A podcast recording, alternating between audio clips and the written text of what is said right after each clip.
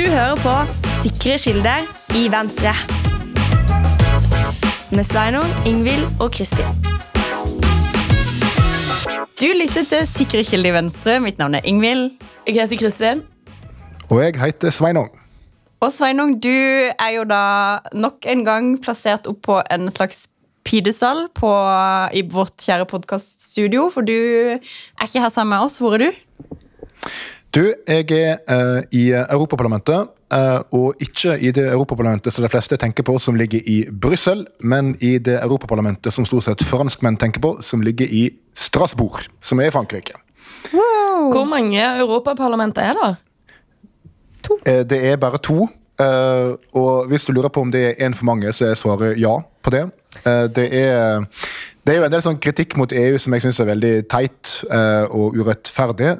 Men akkurat den kritikken som er mot ordninga, at en gang i måneden så tar en hele bøtteballetten som er Europaparlamentet, med eh, oversettere og representanter og byråkrati, og flytter det fra Brussel til Strasbourg for å være i et nesten identisk møtelokale her, det er det mulig å være kritisk til. Og dette her handler bare om én ting.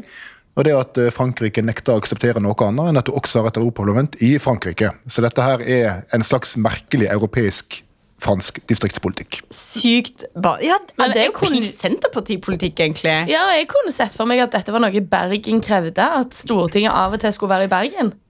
Nå skal vi ikke gi Bergen noen ideer. Dette her er bare å holde, Nei, holde tett. Men de, er det ikke sånn at de da liksom De flytter alle dokumenter Altså alle representantene setter liksom dokumentet og alt de skal flytte til Strasbourg, bare settes utenfor kontorene, og så kommer det svære Jeg vet ikke om de frakter det på tog eller lastebil, eller hva faen de gjør, men det bare fraktes liksom mellom Brussel og Strasbourg. Ja, du gjør det. Du, du flytter rett og slett hele sirkuset ned hit, eh, et par timer lenger sør. Eh, Og sånn har det på en måte alltid vært, og vil vel sikkert forbli ganske lenge. Um, Men uh, det som er grunnen til at jeg er her, er jo rett og slett at altså, Europaparlamentet har møte. Og vi som jo ikke er med i EU, men er med i eh, EFTA og EØS-avtalen, vi har noen sånn faste møtepunkt med EFTAs parlamentarikerkomité og representanter fra Europaparlamentet. Så det har vi nå, da, her nede i Strasbourg. Så det, det er jeg med på. Eh, Så jeg beklager at jeg ikke kunne være med dere på Stortinget i dag. Eh, Men eh, utover det så er det givende og, og fint å være på kontor. Ja, Hva er det dere diskuterer for noe, Sveinung? Eh, nei, vi, disku nei, vi diskuterer jo sånn typisk ting som eh, ja, eh, EU er gretne fordi at vi er litt trege på å implementere EU-lovverk i, i EØS. Og så sier vi at ja, ja, vi jobber med saken. Eh, så det er litt den typen ting. Eh, men jeg vil si, det skjedde faktisk noe veldig stort her i dag.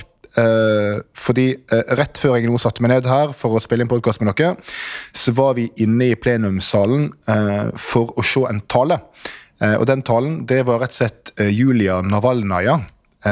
Og hun er jo da enka etter nylig avdøde Aleksej Navalnyj, som jo var den ledende opposisjonspolitikeren i, i Russland. En, en sier jo gjerne at det finnes bare tre typer opposisjonspolitikere i Russland. Det er de som er i utlandet, det er de som er i fengsel, og det er de som er døde. Uh, og det er dessverre en veldig presis beskrivelse. Uh, og Aleksej Navalnyj har jo egentlig vært i alle tre kategorier de siste åra.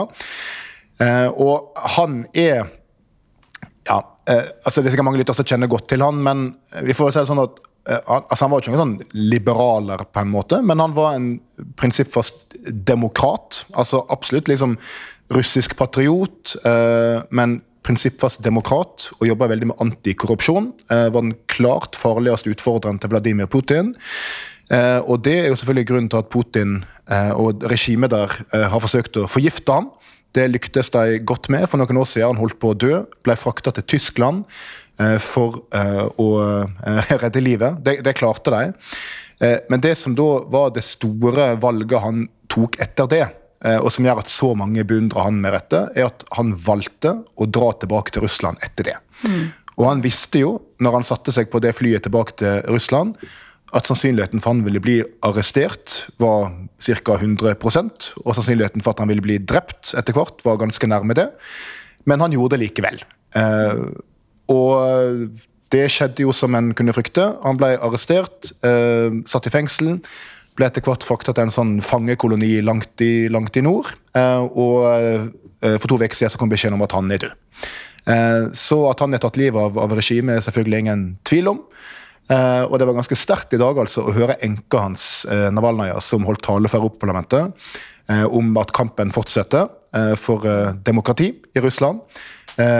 Og jeg vil si at Det var også veldig sterkt å høre alle lederne for de ulike partigruppene etterpå. Fordi Etterpå så fikk jo alle lederne for gruppene i Europaparlamentet fra ytterste høyre til ytterste venstre ordet. Eh, og eh, det var helt enstemmig eh, støtte til fortsatt innsats for Ukraina, kamp for demokrati og mot Vladimir Putin. Så dette her er det full enighet om. Det, det er flott, og det er rørende. Eh, og det var, eh, ja, Jeg er på mange kjedelige EFTA-møter, men akkurat dette her var faktisk ganske, ganske stort. altså. Og det tror jeg alle vi i den norske delegasjonen var, var enige om. Så det er det jeg har gjort i dag foreløpig. For en viktig dag. Virkelig. Da blir det sånn litt eh, Hva har du gjort siden sist? Ja. ja, Er det nå jeg skal si at jeg har vært på standup-show med broren min? Det Har han holdt standup-show? Nei. Ah, nei. nei, men han var med meg. Eh, Vi så sluttføringen av eh, Lars Berrum sin triologi. Eh, Det siste showet hans heter Megaloman, og er da et standup-show av og med Søren Kirkegård med Lars Berrum som rød tråd. Ok. Ja, det var utrolig bra. Eh, Det spilles, eh, eller har blitt spilt, alle ukedager i februar. Eh, Så nå er det dessverre for seint å, å gå og se det. Men for interesserte personer så streames det faktisk på Streamy, og dette er hashtag ikke spons. eh, 29. februar. Så, så det er anledningen til å se det. Okay. Men det vil jeg anbefale. Men bare av at Sveinung er vekke nå eh, Det er sikkert mange som har stussa på at det ikke var podkast forrige uke. Eh, Det skyldes jo at Sveinung eh, var på ferie. Hadde tatt rett og slett turen til Banus. Costa del Sol. Og, og du, Ingvild, du var jo i Mandal. Du skal sikkert si mer om det etterpå. Men Um, da var det jo bare jeg som var her, og vi har jo bare utstyr til å spille en remote med én person. Eh, men nå som Sveinung er vekke, så spiller vi jo inn fra ditt kontor. Og jeg har bare lyst å på en måte paint eh, lytterne a word picture av hvordan det ser ut her. Fordi nei. i hvert fall Når jeg hører på podkaster, så tenker jeg ofte sånn Jeg lurer på hvordan omgivelsene er der. Og Vanligvis spiller vi jo inn på Sveinung sitt kontor. Jeg tror folk kan se for seg hvordan det ser ut der. Det, det tror jeg eh, hever liksom eh, over tvil. Det, henger liksom, eh, det er veldig streit, og det er noe sånn der han er, eh, eh, merch fra Stikonferansen 2018 eller noe sånt der inne. Og så ellers er det litt sånn eh, andre nerdegreier. Men ditt kontor, Ingvild, det er litt annerledes. Her er det jo da eh, figurer av sikkert ti dyr, en svær diskokule, masse bilder av hunder, bilde av Lars Bonheim og to bilder av Ruth Bader Ginsburg. Ja. Eh, Bare sånn I tillegg så har du, og dette sier jeg, som har det mest rotete kontoret på hele rådhuset Du har så mye greier på pulten din at vi måtte jo um, tilkalle hjelp for å rigge opp podkaststudio på pulten din i dag. Altså Her trives du. Altså her, eh, Dette er mitt, eh, ja, mitt eh, hjem. Mitt andre hjem. Og det må jo være litt hjemmekoselig. Og hva er mer hjemmekoselig enn 60 000 dokumenter som ligger på en pult? True. Ja. Men eh, apropos hjem, du var i Mandal. Hvordan var det der? Åh, Mandal er alltid fint. Mandal er alltid fint, og det begynner å bli vår. Altså, Det er så vakkert der. Alle burde reise til Mandal hele tida. Du kan bare være i skogen hele tida og dra og bade og ta badstue og alt mulig sånn. Eh, men jeg har jo òg da eh, For det var jo vanlig uke. Vi jobba jo eh, forrige uke, de fleste av oss. Men på hjemmekontor for Mandal, da. Eh, men på ettermiddagen så har jeg pussa opp. Jeg har jo et hus i Mandal som er en never ending story. Eh, som jeg driver og pusser opp. Jeg har lagt eh, avrettingsmasse. Jeg er veldig stolt. Lært å legge avrettingsmasse. Vet hva avrettingsmasse er? Ikke Jeg sant? er imponert over det. Det er når du skal legge gulv, så må du ha et eh, eh, jevnt grunnlag under. Ja. Ja, veldig enkelt, så det kan alle gjøre selv. Men jeg har òg eh, jobba litt med trappa mi, og da jeg sendte iallfall til Sveinung Jeg trodde egentlig jeg sendte til deg, Kristin, men jeg gjorde meg en sånn refleksjon fordi at jeg jobber med en sånn varmluftspistol eh, for å, å skape noe gammelt lim fra min eh, trapp i heltre, som jeg skal prøve å gjøre pen igjen. Eh, og så eh, brant det meg. Og så fikk jeg sånn, Dette er kanskje litt ekkelt, men jeg velger å si det litt likevel. Eh, men så fikk jeg sånn annengrads forbrenning på hånda. Eh, sånn, du vet sånn når det blir sånn boble på brannsåret. Og så reflekterte jeg over Tenk så sjukt det er at folk liksom spiser ribbe på julaften, og så snakker de om sprø svor, og så er det i realiteten bare sånn tredjegrads forbrenning på hud. Dette var din refleksjon. Ja! Er ikke det ganske sjukt å tenke på? Ja, men det, du Men skal jeg fortelle noe enda Ja. Skal jeg fortelle noe enda sjukere, Ingvild? Og det er at den, em, den ribba de snakker om, som eh, da har tredjegradsforbrenning, eh, den satt en gang på en ekte gris som var levende eh, og hadde et rikt liv. Og nå er den ikke Jo, men det er det jeg mener. Tenk, tenk på det, du. Jeg prøver å dra parallellen mellom min hånd og den levende grisen. Min levende hånd og den levende grisen. Og så snakker folk liksom om mm, det blir kjempegodt å spise denne tredjegradsforbrente huden. Men nok om det. Fordi vi har jo Altså, vi spiller jo inn eh, i dag, onsdag. Og det er altså selveste dagen som jeg føler iallfall hele Presse-Norge har venta på. lenge. Ja, I dag har kontroll- og konstitusjonskomiteen med verdens beste grunde som saksordfører lagt fram saken sin eh, i disse diverse habilitetssakene eh, omhandlende nåværende og tidligere statsrådet. Ja, og diverse er utrolig presist, for det er jo helt sinnssykt mange folk Ja. Som har eh, vært oppe til diskusjon. Er dette en hot topic òg i Strasbourg, Sveinung? Ehm, nei, altså dette var ikke det som uh, europaparlamentarikerne har vært mest opptatt av i dag. Men uh, i, den, uh, i den norske delegasjonen i Strasbourg så er det selvfølgelig interesse for det. For dette er jo den store politiske saken i, i Norge denne veka. Um, og eh, det er jo gjerne sånn med sånn politiske skandaler at det liksom de pågår, og så er det et voldsomt medierush i noen dager eller noen uker eller til og med noen måneder. Og så lander det på en måte på et vis når en innser hvem det er som går av og hvem som ikke gjør det. Eh, Men det betyr ikke at det slutter med det, for etter det så begynner gjerne kontroll- og konstitusjonskomiteen sitt arbeid. Eh, Og de følger ikke noen sånn medielogikk. De jobber sakte, men sikkert og skriver seg sammen i innstilling. Eh, Og det vi kan si fra vår side, da, er at det er jo Grunde som dere sier, som sitter i komiteen for Venstre. Eh, Han har ledet arbeidet, vært saksordfører, som det heter. Og vår beskjed til han eh, for partiet har egentlig vært veldig enkel. og det er at Nå må du ta dine vurderinger og lede dette arbeidet eh, uten at du skal tenke på liksom samarbeidsspørsmål og hvem skal en støtte som statsminister og relasjon til andre parti. Nå må dere vurdere dette. Hva er det som har skjedd? Hvor alvorlig er det? Og hvordan skal Stortinget uttale seg om det? Eh, og Det, det syns jeg han har gjort på en utmerka måte. Eh, og det som jo er eh, konklusjonene her, det som er verdt å merke seg, er jo at en kommer jo med kritikk mot en rekke personer. Eh, og den som flest er interessert i, er selvfølgelig Erna Solberg, uh, som er den mest profilerte. Hun får jo eh, det en kaller sterk kritikk. Uh, og det er egentlig så langt som, som Stortinget kan, kan gå i kritikk av det som har blitt gjort i embetet ditt, eh, før en fremmer mistillit. Eh, og mistillit kan en jo ikke fremme, for hun, hun sitter jo ikke i regjeringa.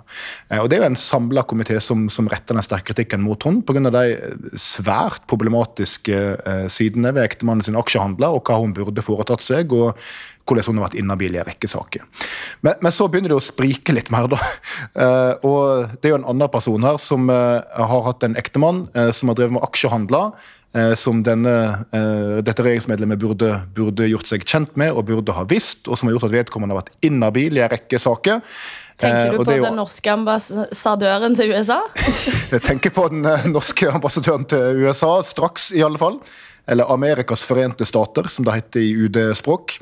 Eh, og eh, da skulle en jo tro at det også ble retta sterk kritikk mot, eh, mot henne, på samme måte som Erna Solberg. Eh, og det har jo Venstre gått inn for, og det har jo eh, mange andre gått inn for. Men det har, eh, det har ikke Arbeiderpartiet gått inn for.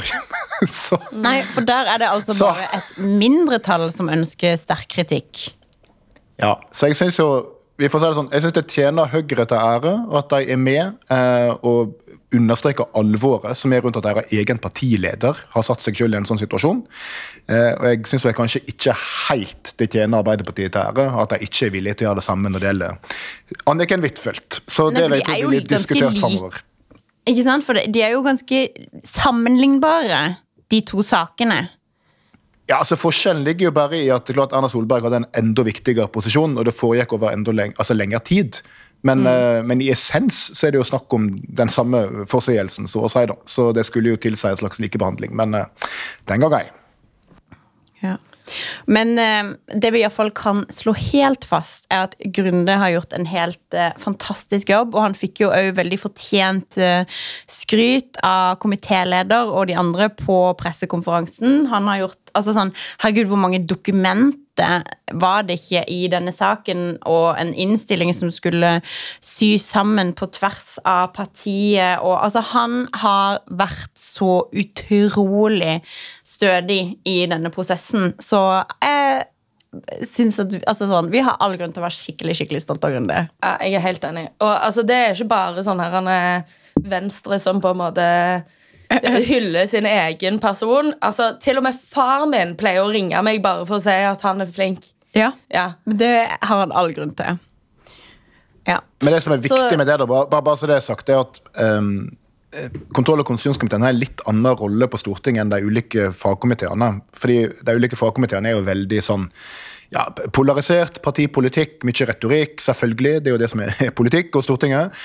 Mens kontrollkomiteen skal forsøke i fall, å heve seg litt over det, eh, og ikke være altfor slagordprega, og ivareta de litt sånn lange linjene rundt kontrollarbeid og konstitusjon. og Det syns jeg, det synes jeg og mange i, i kontrollkomiteen er flinke til å gjøre. Både ja, Peter Følix er leder komiteen, jeg syns Audun Lysbakken er god til det, eh, og, og grundig denne saka har gjort en utmerka jobb. og det er det er litt viktig for at den komiteen og Stortinget på en måte skal ha en, hva skal vi si, en, en, en posisjon. da. For det, det er klart at Hvis kontrollkomiteen bare er partipolitikk, så er det ingen grunn til å lytte til kontrollkomiteen. Og jeg tror vi skal være glade for at de har ivaretatt integriteten sin egentlig som et kollektiv da, gjennom dette her. eh, Stort sett. i alle. 100%. Så det, det er bra. Det- Viktig for Stortinget. Definitivt. Og dette handler jo om å starte på en gjenopprettingsreise. Altså gjenopprette den tilliten som vi har forståelse for at folk eh, opplever brutt til politikere.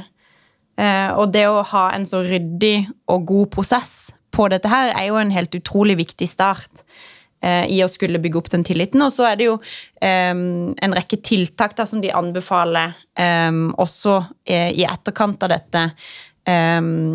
Både knytta til altså, nye standarder for åpenhet og nytt utvalg for å se på habilitetsregler, skriftliggjøring osv. Så, videre, og så, videre. så det kommer jo en rekke tiltak for å faktisk eh, forbedre eh, den tilstanden som vi har, har sett også. Ja, så det er viktig. Men eh, ok, vi skal gå eh, litt videre. Jeg er jo ikke Når Sveinung ikke er her og jeg liksom må være liksom den som skal lede oss videre, så blir det ikke liksom de der gode broene. Så jeg bare Prøv gjør litt bygge, sånn prøv å bygge en bro nå. ja, nei, men jeg, jeg klarer det. Fordi altså, faren min er sånn Når han er ferdig med en samtale, så sier han bare sånn Ok, ha det bra. og det er litt sånn jeg er. Så nå, da sier jeg bare sånn Ok, neste sak. Eh, og neste sak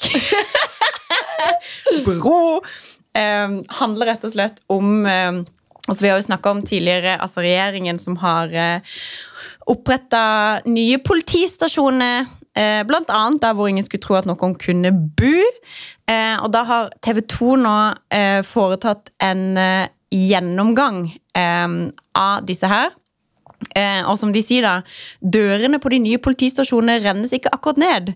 Til nå har det ukentlig vært to til tre personer som har besøkt stasjonen som de viser til i denne saken her, da. Eh, og de har gjort en undersøkelse av de nye stasjon, politistasjonene, som koster altså flere millioner kroner. Det er jo satt av 100 millioner kroner til dette i politibudsjettet. Og i snitt så har de det altså under to besøk i uka. Ja. Altså, det er jo helt sinnssykt. Dette snakket vi jo om eh, da Senterpartiet hadde den der avdukingen. Ja. Eh, eh, eller regjeringen, får man vel kalle det, men det er vel ingen tvil om hvem det er som har innsja på dette. Ja. Eh, da de hadde denne avdukingen eh, der de viste fram hvor det skulle komme nye politikontor, da hadde vi jo en runde på det i podkasten. Eh, den blant annet sjekka litt sånn statistikk på hvor mange anmeldelser som var der. og eh, hvor mange folk som bodde der, og konkluderte vel egentlig med at dette var litt sånn meningsløs eh, bruk av ressurser. Nå har vi fått fasit. Det viser seg at eh, vi hadde helt rett. Neida, men men jeg, jeg, jeg så i den artikkelen der at ehm, eh, eh, de konkluderer da med at hvert besøk eh, koster i snitt 60 000 kroner. og det, det må jeg si er i overkant. Noen vil kanskje si det. Ja. Men det er jo sånn, fordi i seg så kunne vi jo begynne å lure litt på hva regjeringen egentlig holder på med. Altså, De gjør jo dette da i strid med, de, med politiets ønske. Lokalbefolkningen har ikke bedt om det. Altså I seg selv liksom en sånn ganske hårreisende sløsing med offentlige midler. Men det er i tråd med Senterpartiets ønske. Ingvild. Ja, men det er bare sånn vi er i en periode hvor det er liksom den nye sikkerhetspolitiske utfordringer. Eh, vi har noe å stri med på dette området her. Da, annet forrige uke så var jeg på eh, Dagsnytt 18 for å diskutere en rapport som Kripos hadde som Kripos la fram, eh, hvor de bl.a.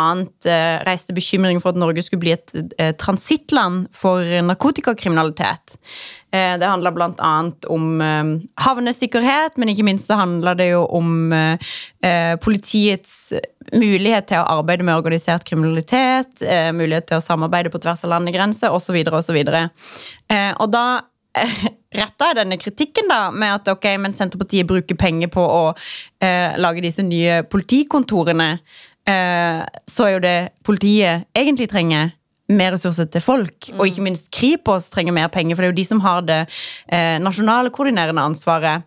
Eh, og det som var litt interessant, da han eh, Statssekretæren som vi møtte i Politisk kvarter, nei, unnskyld, i Dags 18 da, hans svar på det var jo faktisk at eh, Nei, nei, men det er bare 0,38% av politibudsjettet. altså, det er sånn, Du gidder ikke å forsvare det engang lenger. Du bare Bare sånn, sier sånn, Dette er faktisk litt billig, så bare la det gå. ja, men det er jo snakk om 100 millioner Ja, ja. kroner. Så det er jo, Politibudsjettet er ganske stort. det, ja. Så, men, Men dette er eh, jo, eh, dette er jo først og fremst en illustrasjon på at um, ting skjer av en grunn, og reformer blir gjennomført av en grunn. Fordi da eh, Senterpartiet og gjengen var i opposisjon, så drev de jo selvfølgelig en vill opposisjonspolitikk, og framstilte det slik som at eh, den daværende borgerlige regjeringa gikk inn for å legge ned eh, en del polititjenesteplasser, eh, for en liksom ville utarme distrikter. Liksom målet var liksom å ødelegge tilbudet tilbud i distriktene. Og, og sånn gikk det liksom på område etter område. Domstoler, sykehus med mer. Kommunestruktur. Men det er jo ikke tilfeldig at en av og til må gjøre noen reformer. Og Bakgrunnen den gangen det var at en så jo rett og slett at det var en haug med politikontor som ja, de eksisterte, men de hadde veldig begrensa åpningstid. Det var ingen som var der. Det var ikke behov, og en kunne bruke ressursene på en litt bedre måte. Og da er det jo selvfølgelig slik at Når du velger å gjenåpne de politikontorene, det kan du selvfølgelig gjøre, så er det ikke sånn at det plutselig står en haug med folk som har liksom henvendelser som ikke fantes før reforma. Så du er på en måte tilbake til akkurat det samme problemet. Ja, det er to i uken nå, da. Ja, men, eh, og det gikk, så vidt jeg skjønte den saken, det gikk stort sett på folk som ville fornye våpenlisenser og sånt. da, så det er jo ikke akkurat, eh, ja, det er ikke akkurat alvorlig kriminalitet som blir tatt opp her. Og det er i og for seg samme med, med, med sykehus. ikke sant? Altså Der drev vi en voldsom politikk for dette fødetilbudet oppe i, eh, i Kristiansund. For der, der endra en jo på, på, på sykehusstrukturen, eh, og skulle ikke lenger ha samme fødetilbudet.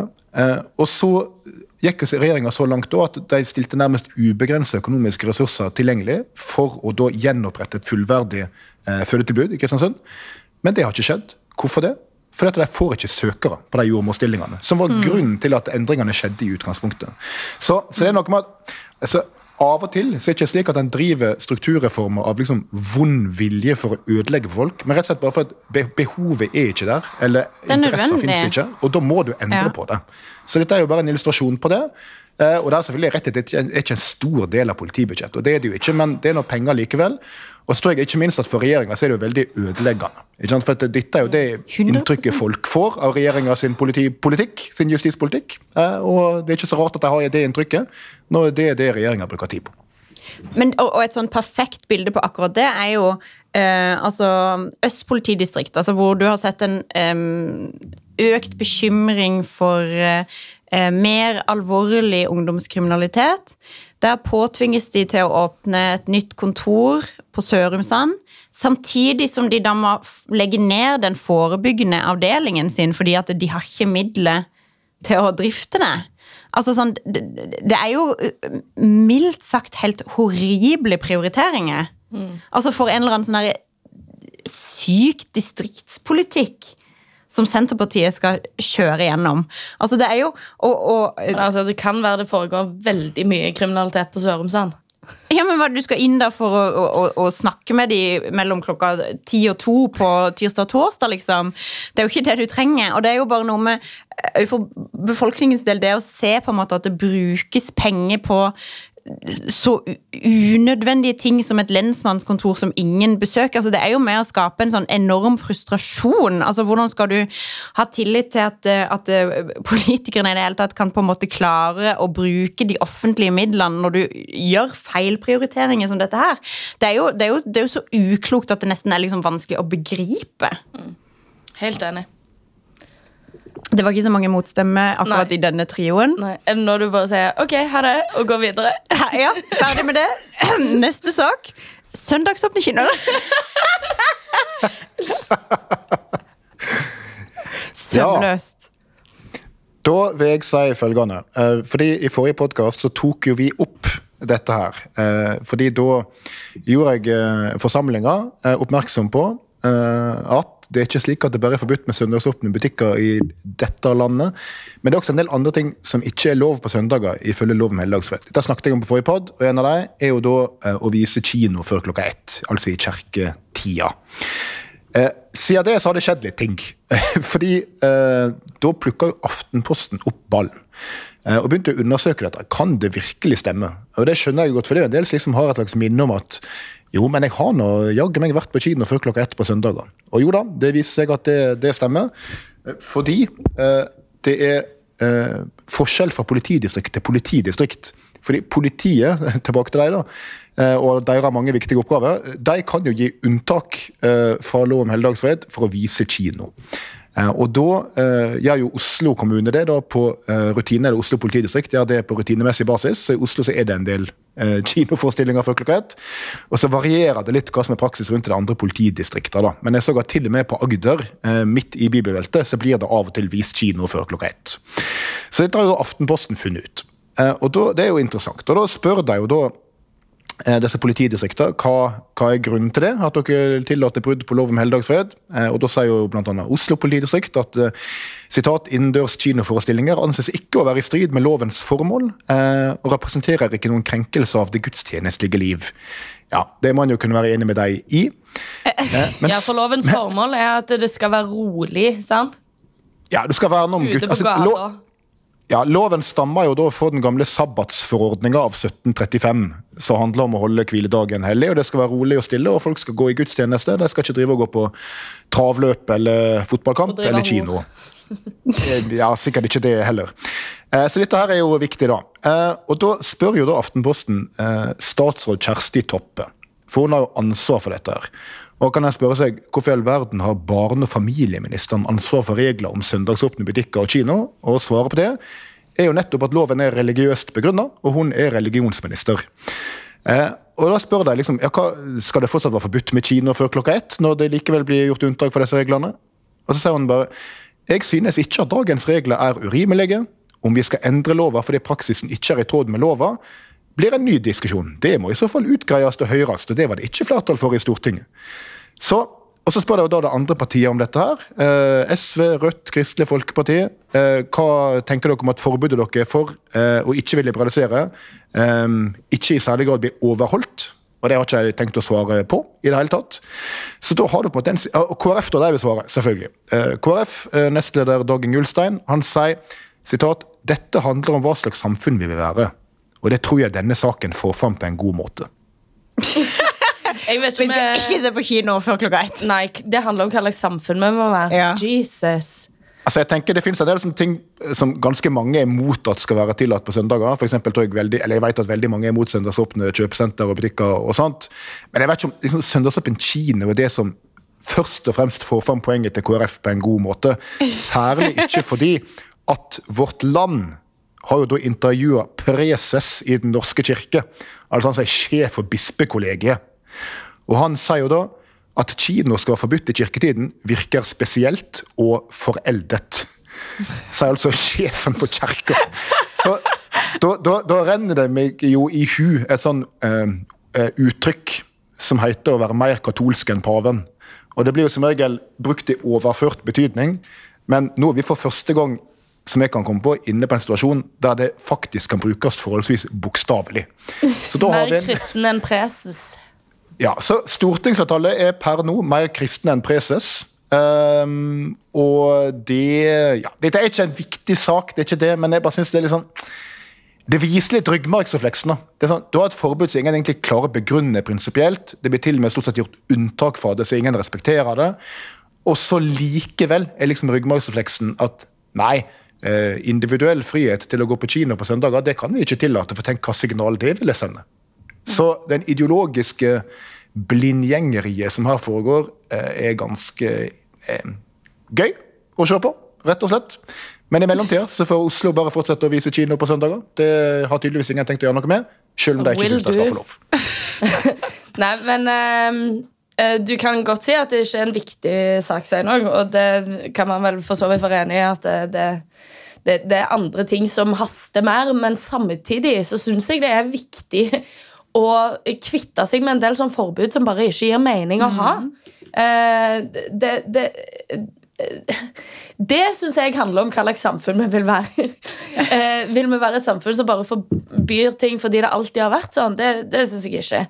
Eh, vi må jo være i utvikling. Men mens vi snakker om eh, søndagsåpen kino og eh, ja, liberalisering av reglene rundt eh, lov om helligdagsfred, så har jo byrådet i Oslo i all sin eh, perfeksjon eh, gått inn for at man ønsker å tillate søndagsåpne butikker i byen.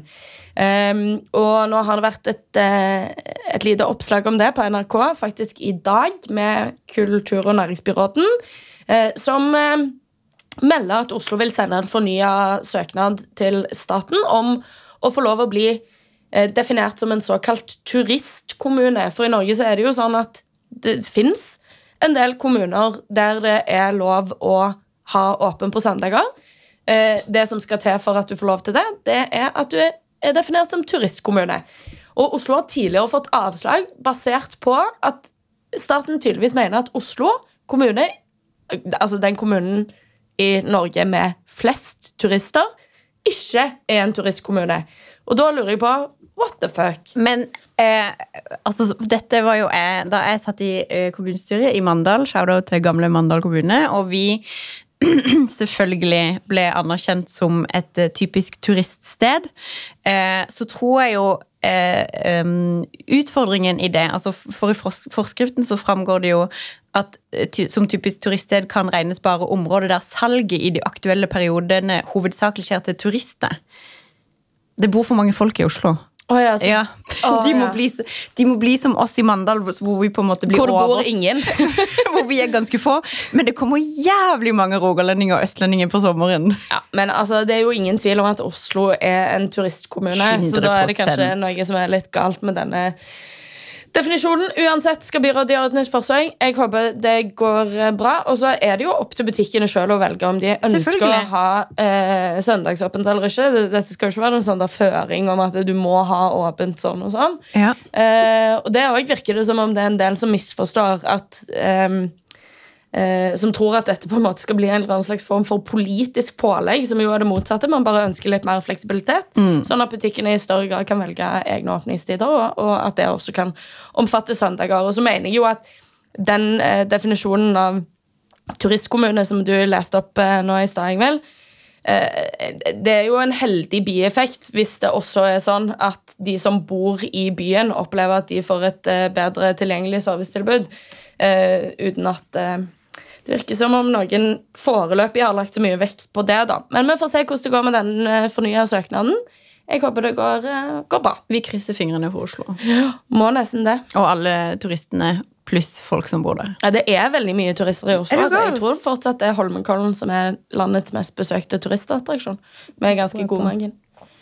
Eh, Vi skal gå inn for eh, avslutning, eh, men før det så har vi en liten oppfølging på en sak som vi snakka om forrige pod.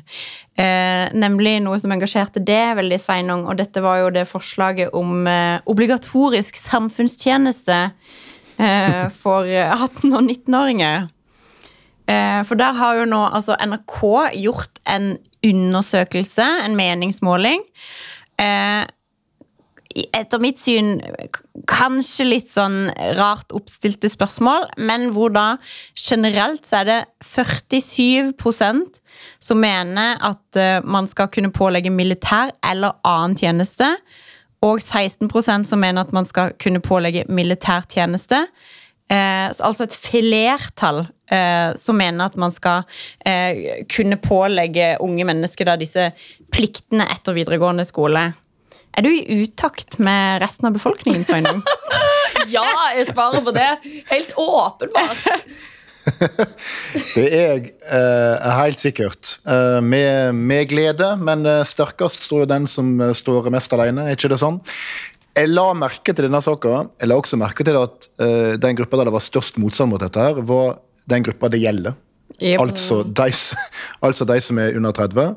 Eh, og jeg tror nok at hvis det er noe sånn omformulert dette spørsmålet litt som at bør alle borgere, uavhengig av alder, bli pålagt et års plikttjeneste for staten?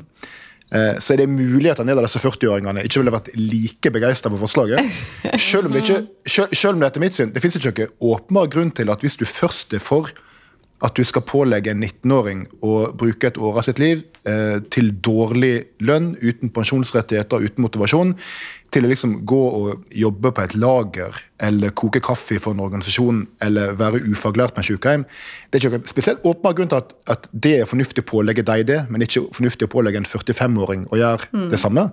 Eh, så eh, det illustrerer litt hvorfor forslaget er veldig rart, syns jeg. Det er fortsatt en veldig dårlig idé, men det jeg tror da, jeg tror at det er veldig sterk støtte i befolkninga til allmenn verneplikt. Mm. Og det er jo de fleste enige om.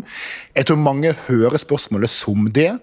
Og så tror jeg de tenker at men for de som eh, ikke vil avtjene verneplikt, så må en ha et alternativ, som en hadde med siviltjenesten i gamle dager. Og det er jo jeg også enig i. Men, men det er noe annet enn å si at men de folka som Forsvaret ikke vil ha, eller trenger og ikke har penger til, og som sjøl ikke heller har lyst til å tjene førstegangstjeneste, de bør gjøre noe annet som de i hvert fall ikke har lyst til. Det er en ordning vi aldri har hatt i Norge, eh, og som ingen andre land som jeg vet om har. eh, Med god grunn. Eh, Både fordi det mest sannsynlig er i strid med Den europeiske menneskerettskonvensjonen med sitt forbud mot tvangsarbeid, og fordi det gir ikke noe sånn mening med bruk av samfunnets ressurser. Så jeg syns nok fortsatt at argumentet for at vi skal ha eh, førstegangstjeneste militær, eh, er godt. Jeg syns argumentet for at eh, en skal tvinge folk til å gjøre helt andre ting bare for å gjøre det, er mildt sagt ikke spesielt eh, godt. Eh, Så eh, jeg tror at dette er en sak som en, jeg tror jeg må litt inn i nyansene for å finne ut hva folk egentlig mener. Og når jeg diskuterer det her liksom ordentlig med folk, så er det min erfaring at jo, det er fortsatt noen som liksom er for sånn, å tvinge alle til å gjøre et eller annet, men de fleste endrer mening når du liksom tar inn premisset. Men dette er folk som Forsvaret ikke har bruk for, eh, som ikke har lyst, og som sannsynligvis heller bør utdanne seg til lærer, sykepleier og alt det andre som også er viktige yrker for samfunnet, for deg sjøl og for totalberedskapen. Ja, fordi dette er jo ikke bare ekstremt inngripende i eh, folks frihet og ungdommens eh, eh, liv. Eh, at staten liksom bare skal få et år av livet de sitter og plasserer de eh, nærmest hvor de vil, virker det som. Det er eh, fortsatt litt uklart hvordan dette skal funke. Um, uh, dette forslaget som da er fra Kari Nordtun Nessa, tror jeg. Um, men, men det er jo eh, heller ikke nødvendigvis spesielt lurt, fordi det du gjør, er jo at du forsinker nettopp det at du får flere faglærte. Eh, Anna Dåsnes, som er leder i Oslo Venstre, skrev et utmerket innlegg i Dagsavisen denne uken, der hun stiller spørsmålet litt Eller helt eh, direkte. Når jeg var ferdig på videregående, begynte jeg å utdanne meg som lærer. Fem år eh, senere sto jeg med mastergrad og underviste i klasserommet. Hadde det virkelig vært mer bruk for meg som ufaglært i f.eks. skolen det ene året, og så utsatt hele min Mens vi står og skriker etter faglærte, både eh, lærere og sykepleiere og, og andre. Så Nei, dette forslaget her fortsatt eh, dårlig. Og så er jeg veldig enig med deg, Ingvild, i at eh, denne undersøkelsen her tror jeg ikke vi skal ta til inntekt for, eh, eh, for at eh, eh, Sveinung er i utakt med folk i denne saken, selv om jeg mener at han på generelt grunnlag Svært ofte er det. Men, kan, kan jeg bare si, jeg, men jeg mener at det trengs ei det er litt mitt personlige syn, men jeg, men jeg mener det trengs en omlegging av verneplikta og førstegangstjenesten. Fordi at eh, vi er rett og slett i en situasjon nå der eh, veldig mye av det en driver med ute i avdelinga, er så avansert, med så mye teknologi og så mye treningsbehov, at det er ikke lenger sånn at du liksom har opptrening av soldater i en to-tre måneder på rekruttskole, og så er du liksom i operativ tjeneste de neste sju-åtte månedene. Realiteten er at du bruker nesten et år på å lære folk å drive med det de skal drive med, og så sender du det hjem. Og så begynner du på neste kull, og da er du tilbake igjen til null i operativ evne.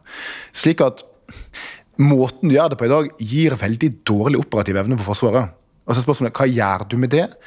Um, og Det kan godt hende at du må kalle inn andre typer, f.eks. de som ønsker å fortsette i større grad enn de som bare har lyst til å være der et år. Eh, sannsynligvis må du ha mye mer repetisjonstrening enn det en har penger til i dag, slik at en faktisk holder kunnskaper ved like. Det skjer jo knapt. Så det er nok ikke sånn at bare for at du kaller en masse folk til en form for førstegangstjeneste og lærer deg opp og sender deg hjem, så har du liksom operativ evne. Det krever veldig mye mer med dagens teknologi og våpensystem og, og slik avdelingene er satt opp, at det kan fort være sånn der ja, det kan gi et veldig falskt inntrykk av hvor klare Norge faktisk er til å håndtere det som måtte kunne komme. Så, eh, så det trengs omlegging av verneplikta for førstegangstjenesten, det mener jeg. Men jeg tror vel egentlig det trengs omlegging i motsatt retning av det som enkelte nå tar til orde for. for å si det sånn. Altså, Jeg hadde savna Forsvarets sjefskurs Sveinung, så det var godt at vi fikk en ja, det var godt høre. throwback. Ja, enig. Ok, ha det bra! Kutt ut. Men dere, altså, nå er det bare to dager til det er vår. Ja. Jeg er sykt motivert for det. ja. Jeg håper at uh, podkasten utover våren eh, bare skal bli mer og mer inspirert av at det blir lyst og varmt. Er dere gira? Jeg føler at vi skal bli det som mennesker òg. Ja, ikke sant? Men du må komme deg hjem, Svein, for det at, uh, dette her funker litt middels. Ja, kommer snart. Deilig. Ha det bra. Ha det. Ha det.